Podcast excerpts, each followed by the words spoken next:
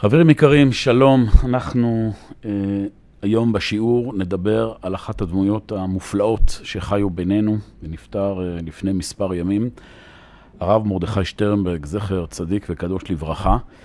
הסיבה שאנחנו מעבירים את השיעור הזה, גם כמובן מצד הספד של תלמיד חכם, במקרה הזה, ברוך השם, היו הספדים רבים ועוד יהיו מן הסתם הספדים רבים, אבל בגלל שאני חושב שההבנה העקרונית, תכף נדבר על זה, של הגודל של הדמות הזו, של הרב מרדכי שטרנברג, זה משהו שיכול לתת השראה לכולנו, לימוד לכולנו, לכל החיים, ואולי בעיקר בימים הללו, נפטר אה, לפני אה, חג החנוכה. זה גם קשור לכל העולם היהודי שנמצא מול התרבות היוונית. הרב מרדכי שטרנברג, זכר צדיק לברכה, אני זכיתי להיות מתלמידיו, רבים רבים היו תלמידיו. הוא היה פחות ידוע בציבור, אבל יש שנהגו לכנות אותו הרב של הרבנים. למעשה הייתי חושב שכל הרבנים בציבור הדתי-לאומי באופן זה או אחר יצאו, יצא להם ללמוד, אם לא ממנו, אז מתלמידיו. יש לי איזה חבר שעשה בשבוע הזה של השבעה, עשה איזשהו ניסיון, הוא לימד במדרשה, בנות, בנות 18, 19, ושאלת מי שמע על השם הרב מרדכי שטרנברג, אף אחד כמעט לא שמע. אבל אז הוא אמר, בואו נעשה עכשיו ניסיון, כל אחד פה תתקשר לרב או לרבנית שהם למדו ממנה באולפנה, באיזה מסגרת אחרת, ותשאלו. וככה עשו שם באמת טלפונים, והסתבר שכולן תלמידות של תלמידים של הרב מרדכי שטרנברג. זאת אומרת, יש כאן איזו השפעה שהיא אדירה בעם ישראל.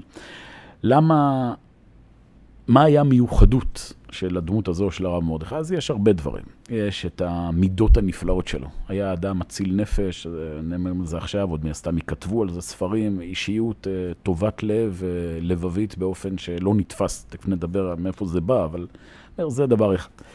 דבר נוסף, היה לו כמובן הנהגה רוחנית מאוד מאוד ברורה, שסחפה חלק מבית מדרש גדול, שסוחף כיוון רוחני היום בתורת הגאולה, תורת הרב קוק. אבל היה נקודה אחת שלדעתי היא הפכה אותו לרב מרדכי, זה היה השם, הרב מרדכי. וזה הלמדנות שלו בעיון, בגמרא בעיון. זה היה... גודל שלו, היו מגיעים מאות תלמידי חכמים מכל הארץ לשבת וללמוד איתו סוגיות בעיון.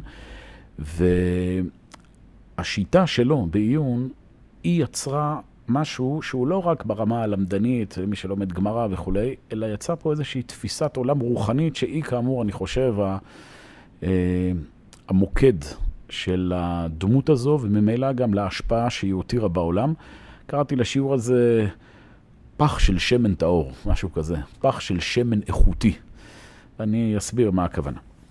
ללמוד, לימוד בכלל ולימוד תורה בפרט, זה היום הכלי המרכזי שאיתו בן אדם מתקדם בחיים, כן? בלימודי חול. כולנו יודעים שהדרך המרכזית כיום להתקדם זה לרכוש השכלה. נכון, ילד וילדה הם 12 שנים, מה שנקרא, יש להם השכלת בסיס, ואחרי זה, ככל שאדם לומד יותר, תארים וכולי, אז ה... הוא רוכש יותר ידע שמאפשר לו להיות במקצוע יותר בכיר, וההשכלה מביאה משכורת ומעמד חברתי. גם בלימוד תורה, למרות שיש הרבה צדדים בעבודת השם, זאת אומרת, יש בעבודת השם תפילה, יש בעבודת השם מצוות, יש כמובן שירים, אנחנו נמצאים בחודש כסלו, אז הרבה גם מדברים על הדברים מהסוג הזה, אם זה חסידות ואם זה בכלל. זה נכון, אבל אם כל זה אומרת המשנה במסכת פאה, איך היא אומרת? נכון. תלמוד תורה כנגד כולם. בסדר. התורה היא עומדת בראש ה... אם היינו חושבים שהדרך המרכזית להתפתח בעבודת השם זה לנגן בגיטרה, אז היינו כל היום בבתי מדרש נגנים בגיטרה. אנחנו לא, בעיקר לומדים תורה, ויש רגעים מסוימים בסעודה שלישית, בתפילות, שאנחנו גם מתעלים בשירה. למה? למה לימוד זה הכלי המרכזי שאיתו אנחנו מתפתחים?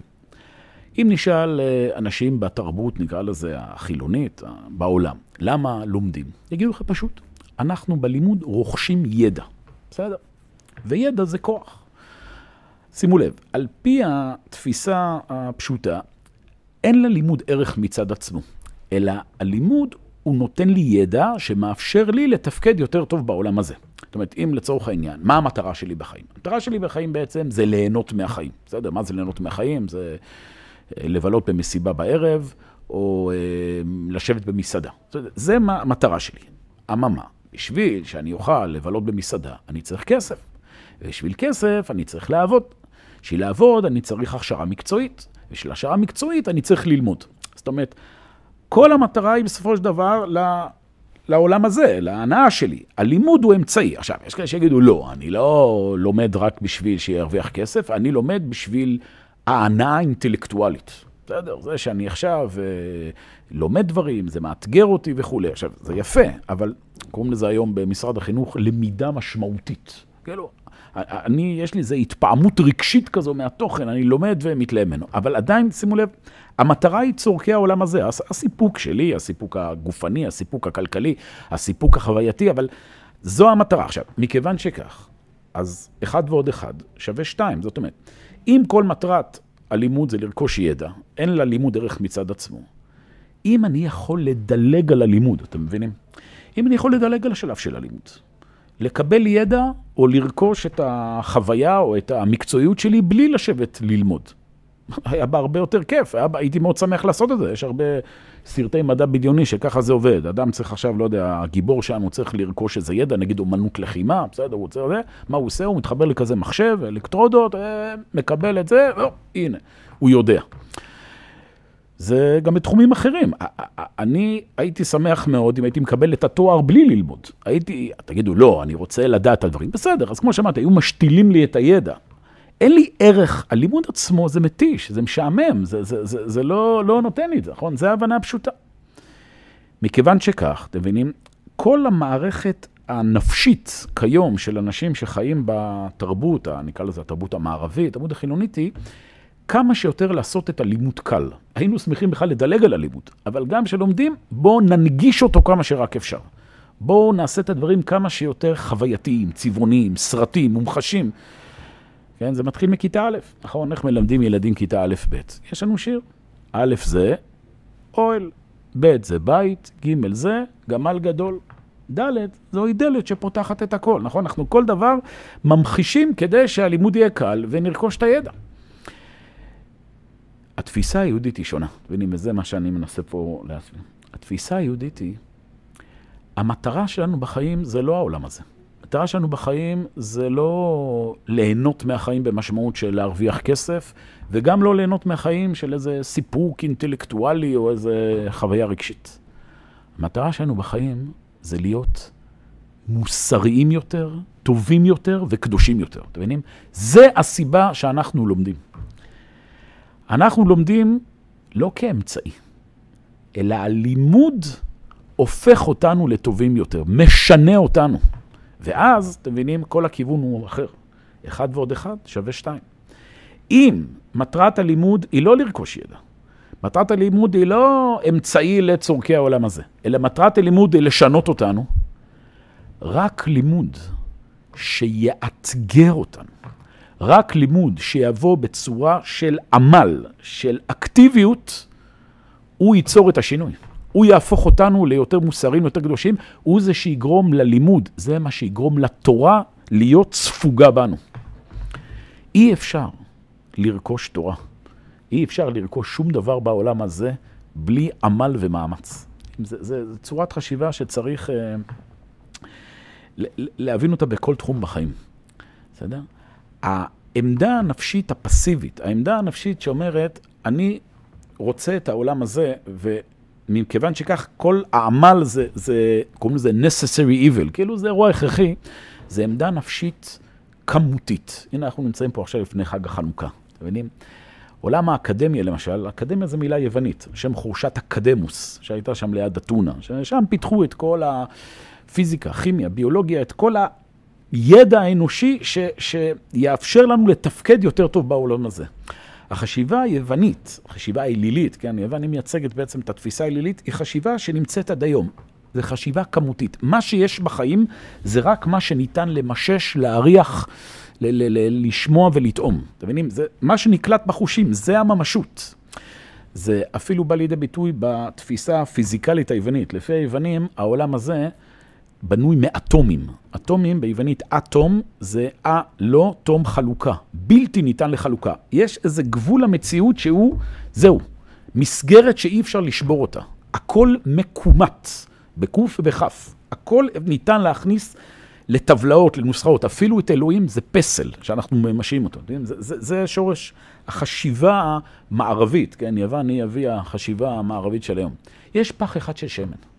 הוא יספיק ליום אחד, זהו, אין, יש מגבלות למציאות. אני מעריך שוב את רק מה שמוגבל ומוחש, כן, זה, זה ניכר, אתם מבינים, לא שאנשים היו משתחווים לפסל, אבל היום אדם ממוצע שגדל בעמדה התרבותית הזו, שהיא עמדה תת-הכרתית, על-הכרתית, זה, מה שאני מעריך בחיים זה הממשות. למשל, אנחנו, מישהו פוגש אותנו ברחוב ושואל אותנו, מה שלומנו? מה שלומך הבוקר? מה אתה תגיד? שלומי טוב או לא טוב. כשאתה אומר טוב או לא טוב, למה אתה מתכוון? אתה מתכוון מהצד הגופני. שלומי טוב, כמובן אני בריא, הגוף שלי לא כואב. שלומי לא טוב, אני עכשיו חולה. לפעמים אתה יותר רציני, אתה מתייחס למצב רוח הפסיכולוגי שלך. שמע, שלומי טוב, כי הולך לי עכשיו הכל טוב בחיים ויש לי מצב רוח טוב. לא מצאנו בן אדם ששואלים אותו, מה שלומך הבוקר? והוא מסתכל עליך ואומר, לא טוב, לא טוב. אני מרגיש שהנשמה שלי לא, לא באה לידי ביטוי הבוקר. בסדר? מי שידבר ככה, אנחנו נגיד לו, כאילו, השתבשה לך דעתך. כי מבחינתנו, מה, מה, מה זה המציאות הממשית? מה, שניתן שוב למשש.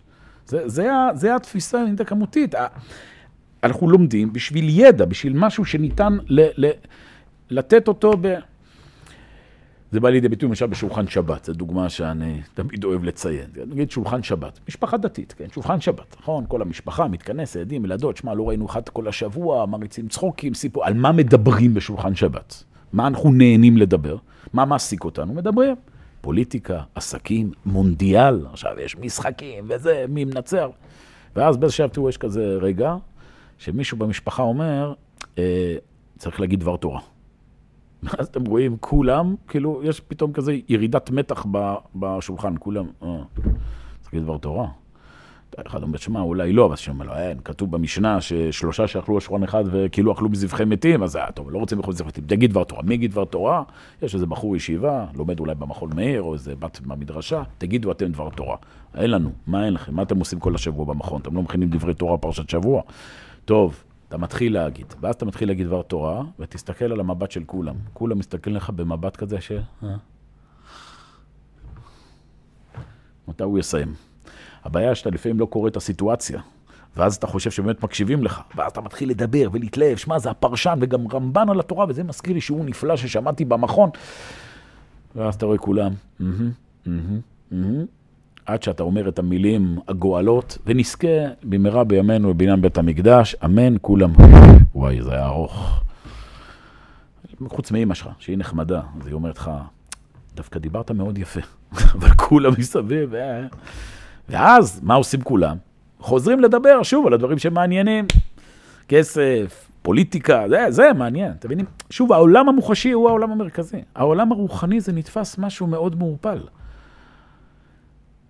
עכשיו עולה אותי עוד, עוד סיפור מצחיק. היה לי פעם, יש בישיבות, יש דבר כזה שבשנה א', באמת סביב חנוכה, יש מושג שנקרא אה, אספת הורים. כאילו מגיעים ערב הורים, מגיעים ההורים של שנה א', להכיר את הישיבה וזה.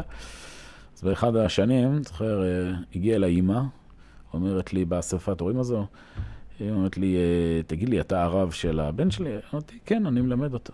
אומרת לי, שמע, אני חייבת להתייעץ איתך, יש לי משהו שמאוד מדאיג אותי אצלו. אמרתי, מה מדאיג? הוא אומר, תקשיב, הילד שלי, זה סיפור אמיתי, הילד שלי, מאז שהוא נכנס לישיבה, תשמע, אני רואה אותו מתפלל שלוש פעמים ביום, הוא, הוא לומד תורה בזמן הפנוי, כאילו, במקום לשחק עם החברים שלו, הוא, הוא יושב וקורא ספרים וזה. אומרת לי, זה מאוד מדאיג אותי.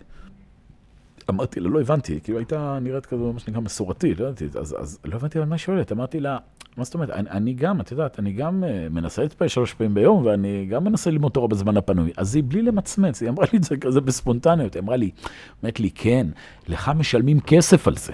אומרת אבל הוא באמת מתכוון לזה. היא לא אשכרה, היא כזה היה הראש שלה. אומרת, בסדר, כולנו יודעים, כאילו, מה היא אומרת לי? אמרתי, כולנו יודעים שהרוחניות זה שטויות, זה, זה, אבל בסדר, אתה מקבל על זה כסף, הבנתי, יש לך איזה משכורת אינטרס, אבל הוא, מה, יש באמת דבר כזה שאדם מאמין שהלימוד תורה זה, זה הגישה. גישה כמותית לחיים, גישה אלילית לחיים. התפיסה היהודית היא לא, אתם מבינים? תפיסה היהודית היא שיש לא כמות, אלא איכות. איכות זה פונקציה רוחנית, והנה כמות זה פונקציה חומרית.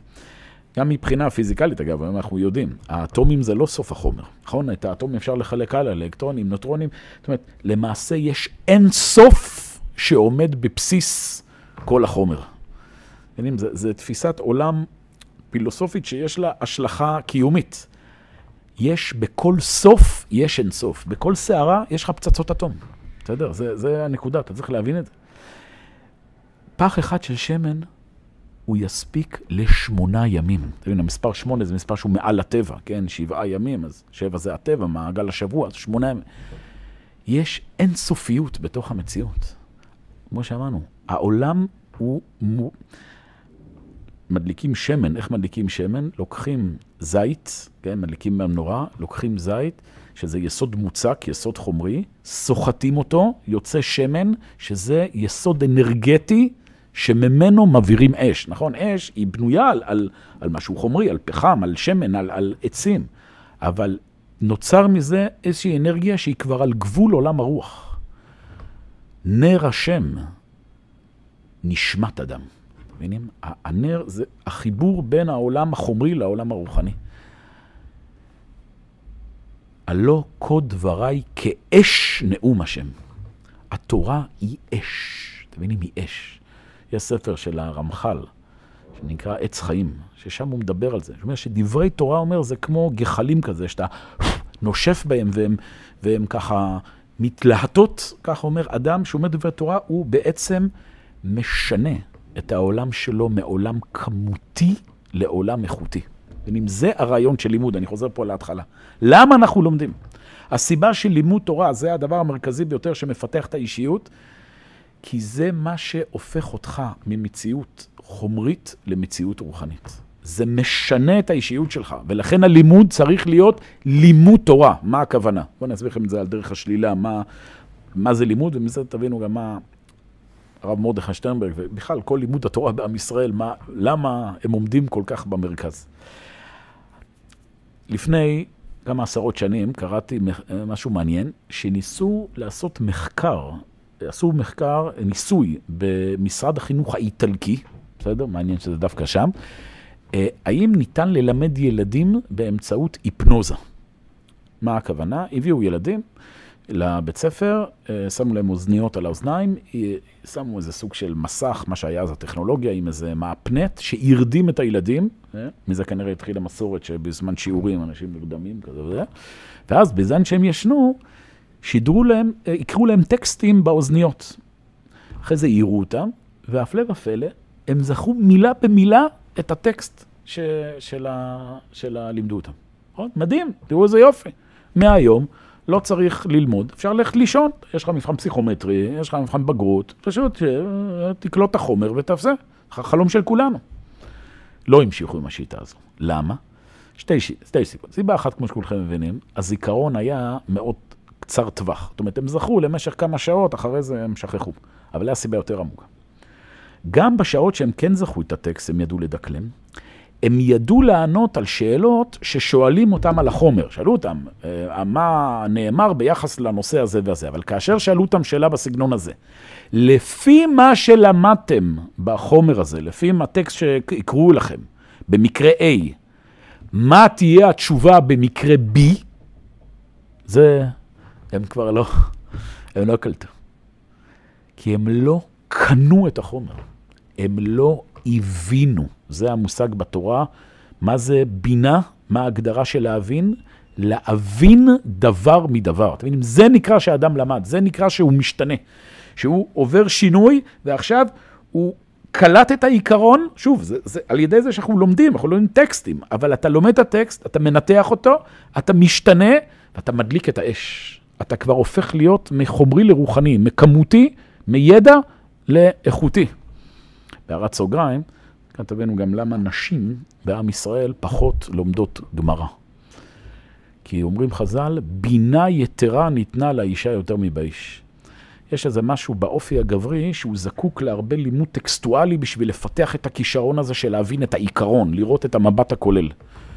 אישה צריכה את זה פחות. יש לה את זה יותר אינטואיטיבי, יותר כזה קליטה של, כללי, של כללים מאשר פרטים. כן, חז"ל אומרים, מכרת אישה באורחים יותר מבאיש.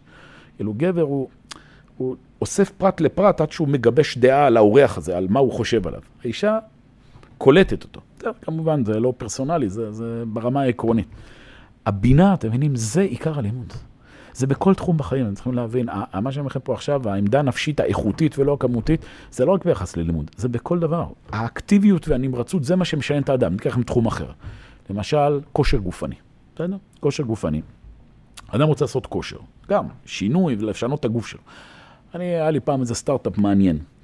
בואו נעשה אופני כושר עם מנוע חשמלי, בסדר?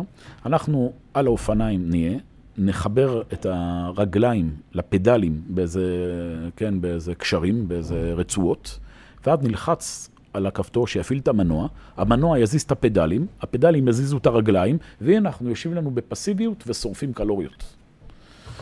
מה אתם אומרים על זה? אה? יש אגב דברים כאלה, הייתי באיזה חדר כושר, פעם מישהו הראה לי איזה מכשיר כזה שאתה עומד עליו ורועד, ואז המאמין כושר אומר, אתה שורף קלוריות. זה שטויות. לא, נכון, בדקתי את זה עם אנשי, אה, אנשי רפואה וזהו, לא. אני לא יודע איך להסביר את זה בדיוק, זה לא התחום שלי, אבל הרעיון הוא שבשביל לשרוף קלוריות צריך שהשריר יתפרק. בשביל ששריר יתפרק, אתה חייב לעשות מאמץ גופני מתוך בחירה חופשית, זאת אומרת, מתוך מאמץ שלך, מתוך אקטיביות. אי אפשר לרכוש כושר בצורה פסיבית. אי אפשר שום דבר בחיים להשתנות בצורה פסיבית. למשל, אדם רוצה לעשות דיאטה. יש כאלה אומרים, תקשיב, למה, למה לעשות דיאטה? דיאטה, שוב, זה דחיית סיפוקים, זה מאמץ, זה להתגבר, זה להשתנות. לא רוצה. אני לא רוצה, אני רוצה להישאר פסיבי. אז אומרים, בואו נעשה קיצור קיבה.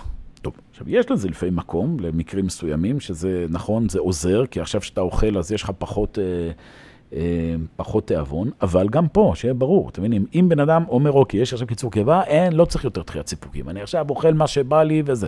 אז נכון שבהתחלה זה יהיה איזה אה, אה, התנגדות לגוף לדברים, אבל אם בן אדם יתמיד בלאכול דברים בלי בקרה, דברים סוכר, מתוקים וזה, לאט לאט הקיבה תתרחב שוב, בתהליך של שנים. אי אפשר להימלט מהתגברות. אי אפשר להימלט מתחיית סיפוקים. כשאנחנו הולכים באדמה, אנחנו, איך אנחנו הולכים על הרצפה? כל פעם שאנחנו צועדים, הרצפה נותנת לנו קונטרה. בשביל להתקדם, אדם חייב את העמדה, ככה הקדוש ברוך הוא ברא את עולמו. זה כל הרעיון של לימוד תורה, אתם מבינים? לימוד תורה זה ללמוד, להבין, זה מה שלמשל לימוד גמרא, אתם מבינים? למה אנחנו לומדים גמרא? למה אנחנו לא לומדים? אם, אם המטרה היא שוב ידע, לדעת מה, מה עושים וזה, בוא, יש לך ידע בהלכה, ת, תפתח קיצור שולחן ערוך או תשלח שו"ת אס.אם.אס, מה, מה, מה הנקודה? למה אתה צריך לשבת וללמוד גמרא? מה זה גמרא? גמרא זה שיא הפיתוח של העמדה הנפשית הזו, של המעבר להיות אדם איכותי. איך הפח אחד של שמן יגיע לשמונה ימים. איך?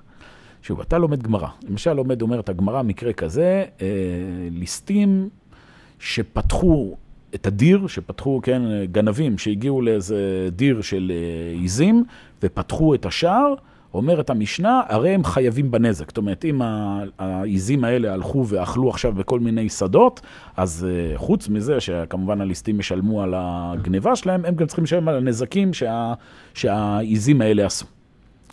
נכון? גמרא, פשוט משנה. מה שואלת על זה מיד הגמרא? מה השאלה? פשיטה. פשיטה זה פשוט. כאילו, למה המשנה מספרת לנו את זה? ברור, מה, הגנבים, הם פתחו, בגללם קרה כל הנזק הזה, ברור שהם ישלמו.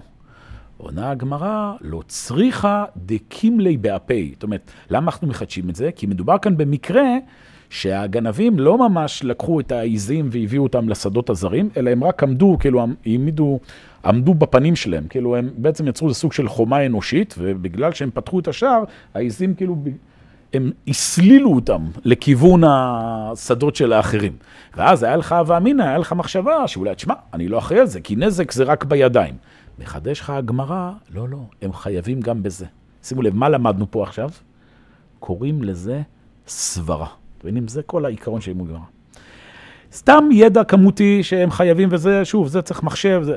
סברה, תבין את העיקרון. למדת פה עיקרון חשוב לכל החיים, שישנה אותך. אתה אחראי בנזקים גם בצורה פסיבית, אתה מבין? לא רק אם אתה עושה דברים אקטיביים, גם בתחומים אחרים בחיים. אתה עכשיו uh, עושה איזה משהו ואתה אומר, שמע, אני רק uh, עמדתי פה וזה. לא, אדם מועד לעולם, היית צריך לדעת שאם אתה עומד פה וזה ייווצר מצב כזה, אתה אחראי גם על זה. אין, יש פה לימוד עקרוני. זה משנה אותך. כשאתה לומד שבת, מסכת שבת, שוב, אתה יכול ללמוד הלכות שבת, אסור להדליק אור בשבת. הלכה, אמרנו, שוט אס.אם.אס, הלכה. אתה לומד בגמרא, למה? דבר שמסבירים לך, כי יש שתי שיטות. שיטה אחת, שאתה מבעיר אש, בזה שאתה מצית, אז כאילו הניצוץ חשמלי זה סוג של אש. דעה שנייה, שזה סוגר מעגל חשמלי, זה מדין בונה. בסדר, כל מיני הגדרות הלכתיות למה זה אסור. כלומר, אתה עכשיו כבר מבין, לא רק כמו רובוט לא הדליק אור בשבת, אתה כבר מבין שבזה שאתה עושה את הפעולה הזו, אתה בעצם יוצר מלאכה, או מבעיר, או בונה. ומה הבעיה ליצור? עכשיו אתה לומד העמקה עוד יותר גדולה. כל הרעיון של שבת זה שלמות. מעין עולם הבא. איזה יום בשבוע שהוא מבטא את המציאות העתידית שהכל מושלם, כל מלאכתך עשויה, ולכן אתה לא עושה ל"ט מלאכות, 39 סוגי יצירה אנושית, שהם, כשאתה עושה אותם, אתה בעצם מתנגד למהות של השבת.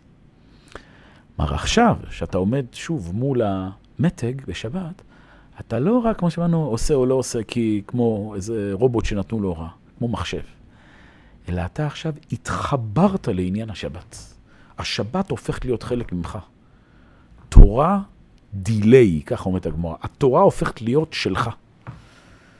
זה הרעיון של לימוד תורה. יודעים, היה פעם, בעולם הישיבות היה תופעה מעניינת. בכל ישיבה שמכבדת עצמה, היה תפקיד שהיה יושב בבית מדרש, שזה אברך מבוגר, שהתפקיד שלו היה נקרא מיישיב. מיישיב או נושא ונותן. כאילו... אה, שמה התפקיד שלו היה?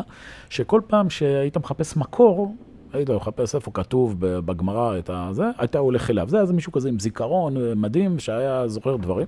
היה גם שיטה אחרת, אנחנו, אני זוכר שהייתי בישיבה אז, שחיפשנו מקורות, לפני 30 אה, שנה, אז uh, היינו תולים פתק על uh, לוח המודעות. ורושמים אה, כל מי שיש לו מקורות בנושא, לא יודע, לימוד תורה בלכתך בדרך, שיכתוב. ואז כל אחד רשם שם וסף מקורות. היום לא עושים את זה כבר. מי שיב היום, הוא לא, אין לו תפקיד בלתת מקורות לאנשים. למה? למה? נכון? כולם פה. בגוגל, אתה, או פרויקט השו"ת, אתה יכול להביא את המקורות.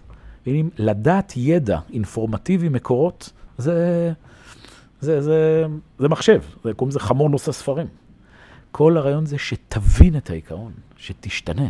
שוב, זה הפוך ממה שמקובל היום. היום למשל, הרבה פעמים עושים מבחנים אמריקאים, יש כזה מושג, משרד החינוך. מה זה מבחן אמריקאי? שוב, מבחן אמריקאי זה לי, זה לא להבין דברים, אלא פשוט לשלול את התשובות הפחות טובות. כן, א', לא יכול להיות, שתיים אולי, ג', גם אולי, ד' זה ב', א' וג' נכונות, אז כנראה זה ב'. מבין? זה כזה משחק. למה עושים את זה? כי, כי שוב, זה, זה, זה קל יותר לבדוק את זה. עושים, אפשר לבדוק את זה במחשב. ברגע ששואלים תלמידים שאלה פתוחה, יודעים כזה דבר. לפי מה שלמדתם במקרה הזה והזה, שוב, מה תהיה התשובה במקרה הזה והזה, אז בדרך כלל מסתכלים מבט כזה, ש... אה, אבל זה לא בחומר, או זה ירד במיקוד, או היה שנת קורונה, לא הספקנו. זה בדיוק הנקודה. לימוד תורה, לימוד גמרא, בא לבנות את הסברה. תבינו את הדברים. זה מראה שקניתם את, ה, את העניין. כן, זה מגיל קטן צריך לחנך למשחקי חשיבה, פחות מסכים, זה כמובן קשור לזה, כן, כשאדם נמצא במסך אז הוא פסיבי, צריך להבין דברים. זה קשור אפילו לתינוק, כשרוצים ללמד תינוק לסחול, אתם מבינים מה עושים? שמים לו חפץ כמה סנטימטר רחוק ממנו, כדי ש... יתאמץ, יתגבר, זה מה שהופך את האדם לאישיות אקטיבית, נמרצת. זה הסברה, זה לימוד תורה. בהערת סוגריים, ככה גם תזכרו יותר טוב את החומר. תמיד אנשים שואלים איך נזכור את החומר. עוד פעם, אתה רוצה לשנן ספר טלפונים, אתה לא תזכור בחיים. ככל שתבין יותר את החומר, אתה גם תזכור אותו יותר. הרב מרדכי, צריך פעם שאלתי אותו, הוא היה להם אותנו גמרא, אז היה איזה מישהו שהציע לעשות איזו שיטה כזו, ש-90% מהזמן עושים חזרות וזה. וזה נראה קוסם כזה, וואו, אתה תדע את כל התורה בעל פה והכל. אז שאלתי את הרב מרדכי, הוא אמר לי, לא, אל תעשה את זה. אומר לי, אבל לעיקר הלימוד זה הקניין תורה, להבין את הדברים. אמרתי לו, אבל אני לא זוכר. הוא אומר, נראה שאתה לא זוכר. זאת אומרת, ברור צריך לעשות פה ושם חזרות, יש דבר כזה, אבל העיקר העניין זה הלימוד. והוא אומר, עוד 20 שנה אתה תראה, גם אם לא תזכור לפרטים את הסוגיה, אבל את העקרונות הרוחניים אתה תבין. וזה היה, שוב, אני עכשיו, אחרי כל. ההקדמה הזו, זה היה הרב מרדכי שטרנברג, תבין. הרב מרדכי שטרנברג היה מלך הסברות. אמרנו, מה זה גמרא? גמרא זה להבין את הסברה, להבין את העיקרון שעכשיו הבנו, למדנו פה סוגיה, למדנו כל מיני נתונים, ידיעות, הבאי אומר ככה, הרב אומר ככה, רש"י אומר ככה, אומר ככה, ועכשיו אתה מביא איזה עיקרון שמסביר לך מה בעצם המחלוקת פה, על איזה עיקרון מופשט, רוחני, איכותי, הם, הם, הם בעצם מתמודדים פה. האם, הדוגמה שהבאתי קודם, האם יש דעות בתוספות, רש"י, שהגנבים כן חייבים, לא חייבים, האם, הם, האם שוב, הסברה היא שעד מתי האחריות של האדם אה, היא, היא צריכה להיות. האם רק באופן פסיבי, באופן אקטיבי. הגאונות של הרב מרדכי הייתה שהוא הביא את הסברה לא רק בסוגיה נקודתית, אלא בכל הש"ס. כן? הוא נתן סברה גאונית, זה עיקרון, שאז הסתבר, כך הוא יראה, שזה לא רק פה, אלא גם בסוגיה הזו, והזו, והזו, והזו, והזו, והזו, והזו. זה שיא היצירה התורנית. אתם מבינים? זה, זה, זה הכי שינוי. אדם קולט את העיקרון הכללי של כל התורה כולה. הופך את עצמו לאש, למחובר עם התורה. זה הסיבה שאנחנו לומדים תורה ועמלים בתורה. שוב, אמרתי פה גמרא, אבל זה גם, גם שלומדים אמונה זה ככה. גם שלומדים הלכה, איך לומדים הלכה? אם לומדים כאילו רק את השורה התחתונה או מבינים את העיקרון, יש לכל תחום תורני את ה... זה שלו. גם שעובדים על המידות, עבודת המוסר, האם שוב מתמקדים רק בבעיה הזו או אחרת, או מפתחים פה איזו פרספקטיבה כללית על כל הדברים. ו- ושימו לב, זה, זה דבר מדהים, כי למה אנשים לא אוהבים את זה? כי, כי זה קשה, זה מתיש. אתם יודעים, ללמוד, אני אומר, מה, אומר לי אומר שהוא, מה, למה אני צריך שתלמוד כל היום? גמרא זה משעמם. אפילו בשביל העולם הרוחני שלי, אני הולך להופעה, כזה שירים וריקודים, ואני מרגיש בהרבה יותר חוויה רגשית מאשר כל השלוש שעות שישבתי בסדר. תשובה. זה נכון. עכשיו אתה מרגיש יותר את החוויה הרגשית הזו מה... אבל אתה תראה שאחרי עשר דקות אחרי שתצא מההופעה, אתה לא מרגיש יותר כלום. זה שינה אותך קצת, זה גם איזה משהו, נותן איזה פולס, אבל... תשב ותלמד סוגיה, נכון, לטווח קצר זה משהו שהוא, אתה כביכול עוסק פה משהו אינטלקטואלי, אבל זה נספג באישיות שלך ויישאר לטווח ארוך. איכות היא פחות נוצצת מהכמות, היא פנימית. איכות זה משהו פנימי, כמות זה משהו חיצוני. אבל היא זו שהיא נצחית, שהיא נשארת לאורך זמן. בכל תחום בחיים. אז אפשר לגלוש פה את הנושא הזה, אמרתי לכם, זה לא רק לימוד תורה, זה, זה הכל. האם בן אדם, האישיות שלו אישיות רהבתנית, יחצנית, או אישיות פנימית. זה הרב מרדכי שטרנברג. הרב מרדכי שטרנברג, כמו שאמרתי בהתחלה, הוא, הוא לא היה ידוע, יחסית, בציבור הרחב. שוב, אתכם, הרייטינג הוא לא מהאיכות, מהסברות, הרייטינג זה מה... מהשירים, מהנוצץ, מהסרטים, מהפוזה. אבל הוא בנה עולם שלם של ישיבות. מאות תלמידי חכמים, שיש להם אלפי תלמידים, שלהם יש עוד תלמידים, משהו שהולך ו... ומכה גלים לנצח. גם עם ישראל ככה עובד בעולם, אתה מבין? לא מרובכם חשק בכם השם, כי אתם המעט מכל העמים. איכות שהולכת ומשפיעה.